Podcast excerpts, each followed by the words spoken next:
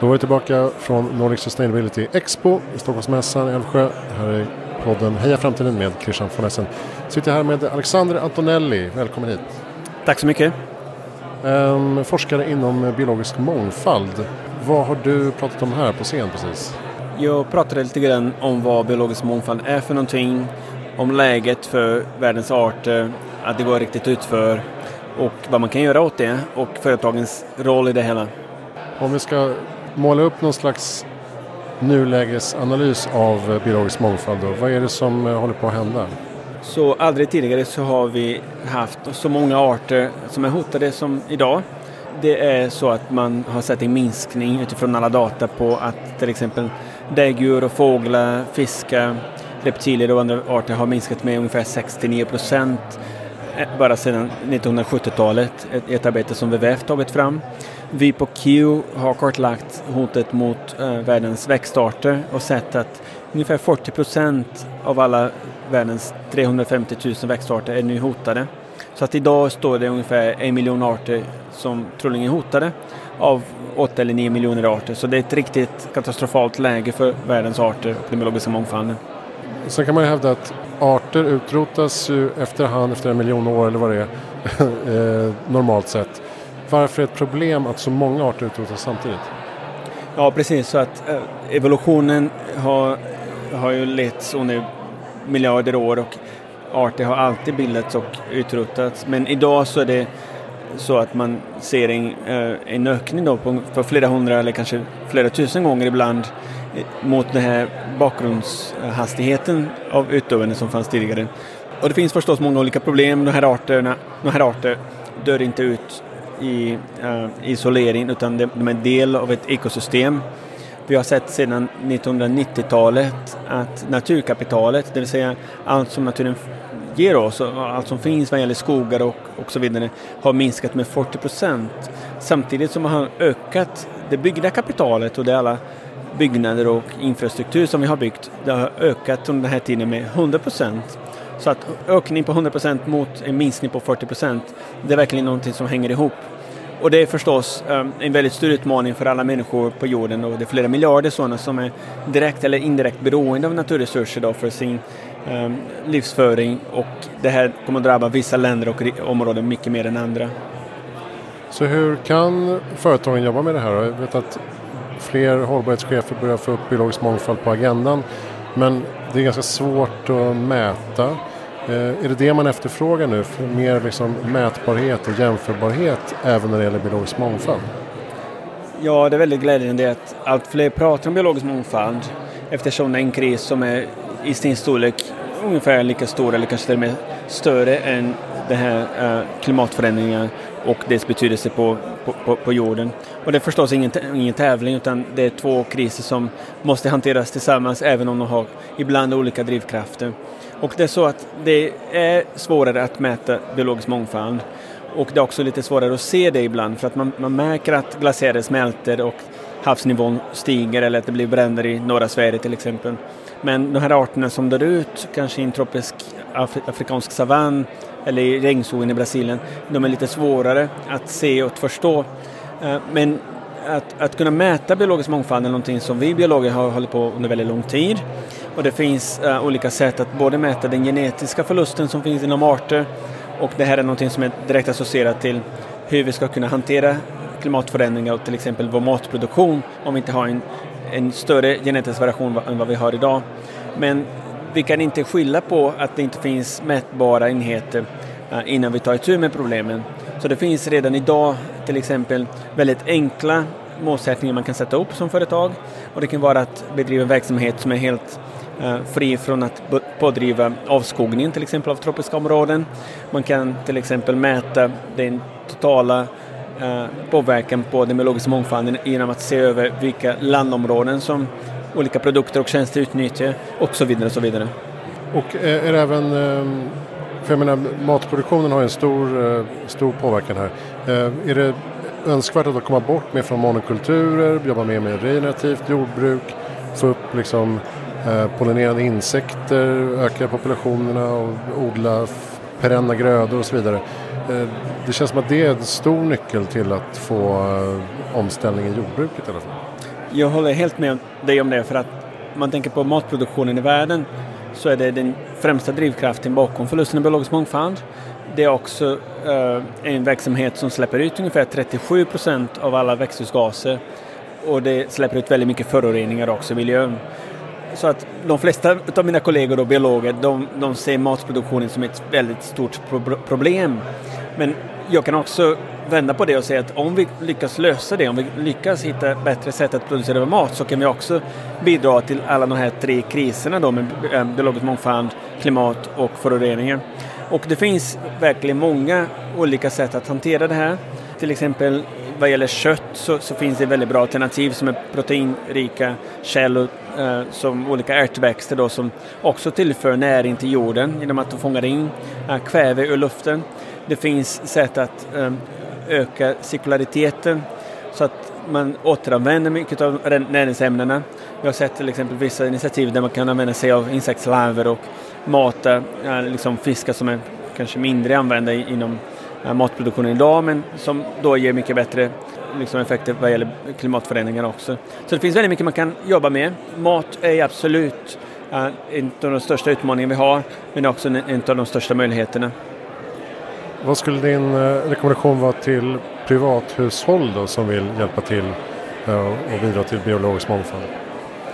Det finns inte en enda liten grej man kan göra. Man kan inte bara liksom tänka att ja, nu ska jag odla lite grönsaker vid köksfönstret och så har jag gjort mitt. Utan det här är någonting som måste verkligen till och det, det måste vara en genomgående förändring i vår livsstil och våra val. Så att varje gång man köper någonting så måste man verkligen se över vad det är som man betalar för. Är det någonting som kommer att pådriva avskogningen i, eh, i Amazonas till exempel.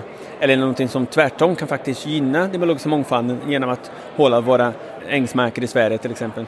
Så det finns väldigt mycket man kan göra vad gäller konsumtion. Att minska konsumtionen men också att konsumera bättre. Det finns mycket man kan göra i sin egen trädgård om man har en sån, eller balkonglåda för en del. Där man kan gynna pollinatörer, man kan skapa livsutrymme till många arter som är hotade idag. Det gäller också att se över vad det är man köper in.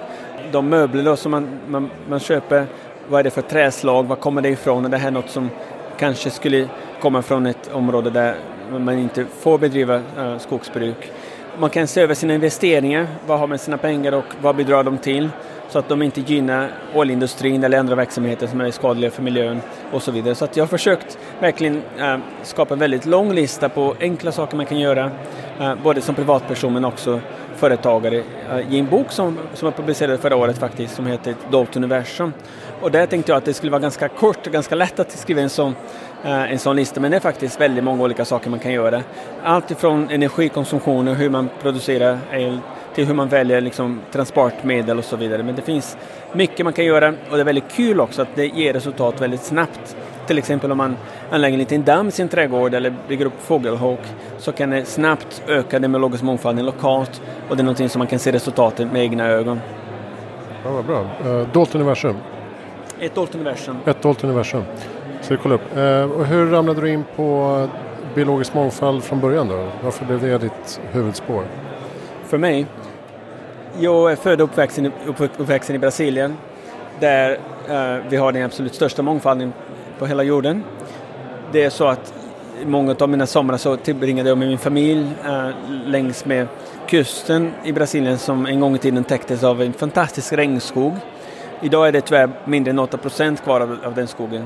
Och genom att uppleva den här naturen eh, liksom, eh, själv i min barndom så har jag också helt, blivit helt fascinerad av allting vi upptäckte där. Och det har påverkat hela min karriär så att jag har haft förmånen att besöka väldigt många länder, framförallt i hela Latinamerika men också i Afrika och Madagaskar. Och beskrivit nya arter för vetenskapen och hittat nya lösningar till många av de här utmaningar som många arter står inför. Och det, det är någonting som påverkat både mitt privatliv men också min karriär. Och eh, hur ser din forskningskarriär ut hittills då? Så jag började läsa biologi i Brasilien och sen har jag um, disputerat i en avhandling på Sydamerikas mångfald vid Göteborgs universitet eh, och sen har jag varit postdoc i Schweiz och jobbat med södra halvklotets eh, växtmångfald.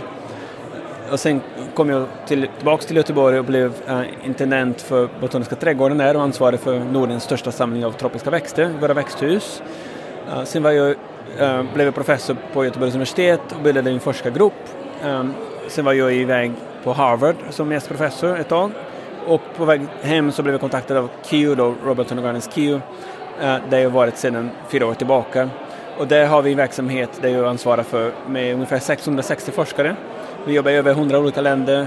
Eh, jag har ett ansvar för världens största samlingar av både växter och svampar. Och det är ett sätt att då använda all den här kunskapen om biologisk mångfald till att gynna eh, våra verksamheter inom näringslivet och liksom, ge råd till politiker till exempel och delta i internationella överenskommelser. Och uh, nu är jag också gästprofessor i Oxford. Så det har varit en, en parallell karriär där jag både bedrivit forskning för egen del men har också försökt um, stötta och uh, uppmuntra andra att ta det steget att jobba med biologisk mångfald och de här kopplingarna som finns mellan biologisk mångfald, klimat uh, och våra samhällen i stort. Behöver kunskapen öka kring de här frågorna generellt skulle du säga? Väldigt mycket.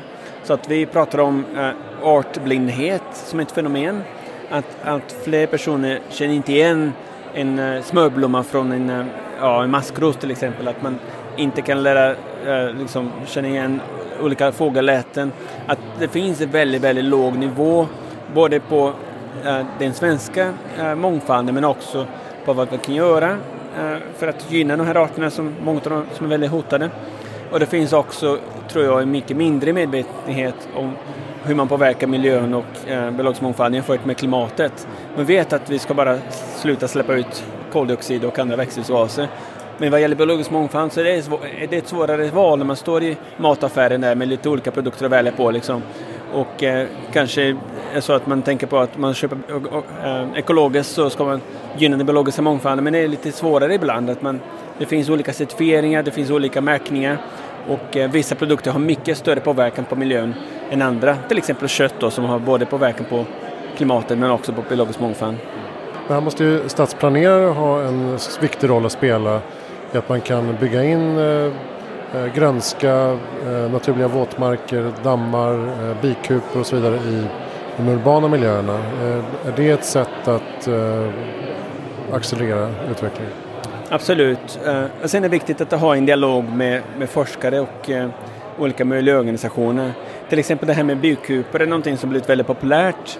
Men det är faktiskt så att av Sveriges ungefär 270 olika arter av bin så är det inte honungsbiet som är i fara utan det är våra vilda arter som inte behöver samma krav som honungsbiet. Då. Så att man måste tänka inte bara på hotell och var de ska bo men också vad de ska äta. Och där kan man jobba väldigt mycket med vägrenar och rondeller till exempel och odla inhemska växtarter som man vet gynnar en rik och bred fauna av olika pollinatörer. Våtmarkerna har eh, minskat dramatiskt under de senaste årtiondena. Det finns en väldigt stor anledning till att restaurera dem och det skapar livsutrymme för både fåglar och andra växtarter och, och så vidare. Det finns eh, väldigt mycket man kan göra på kommunalt och statlig nivå. Eh, skogsbruket är en väldigt infekterad fråga i det här landet tyvärr. Men det finns väldigt stora möjligheter att kunna bruka skogen på ett annat sätt som är mycket mer hållbart. Och där gäller det att helt sluta att hugga ner värdefull natur och eh, gamla skogar med, högt natur, eh, biologiskt biologiska naturvärden. Men också att bedriva skogsbruk på ett mer hållbart sätt. Så det finns väldigt mycket man kan göra och återigen är det en fråga om eh, kommunikation, kunskapsspridning, eh, samarbete med, forsk med forskarsamfundet och att man gör eh, vad man bara kan. Så att det kanske inte är helt nödvändigt att man träffar rätt första gången men att man, man gör så mycket man kan och att man ser, inser att det här är inte bara någonting som man kan göra en gång och sen kan man gå vidare utan vi alla måste jobba med det här under väldigt många år framöver. Så det måste vara en del, väldigt integrerad aspekt i allas verksamhet. Bra. Eh, jag brukar fråga avslutningsvis, eh, vad är ditt bästa tips för att göra världen bättre i framtiden? Jag tror att vi måste se över vår konsumtion och eh, alla data pekar på att vi måste göra många saker samtidigt. Det finns återigen inte en enda liten grej man kan göra, sen så tror man att man kan gå därifrån med gott samvete. Men konsumtionen, varje gång man spenderar en krona, tänk vart går den här kronan? Vad har det här för betydelse på miljön? För där tror jag att vi har väldigt stora möjligheter att kunna påverka naturen på ett positivt sätt. Tack snälla Alexander Antonelli för att du kom till Heja Framtiden. Tack för att du fick vara med.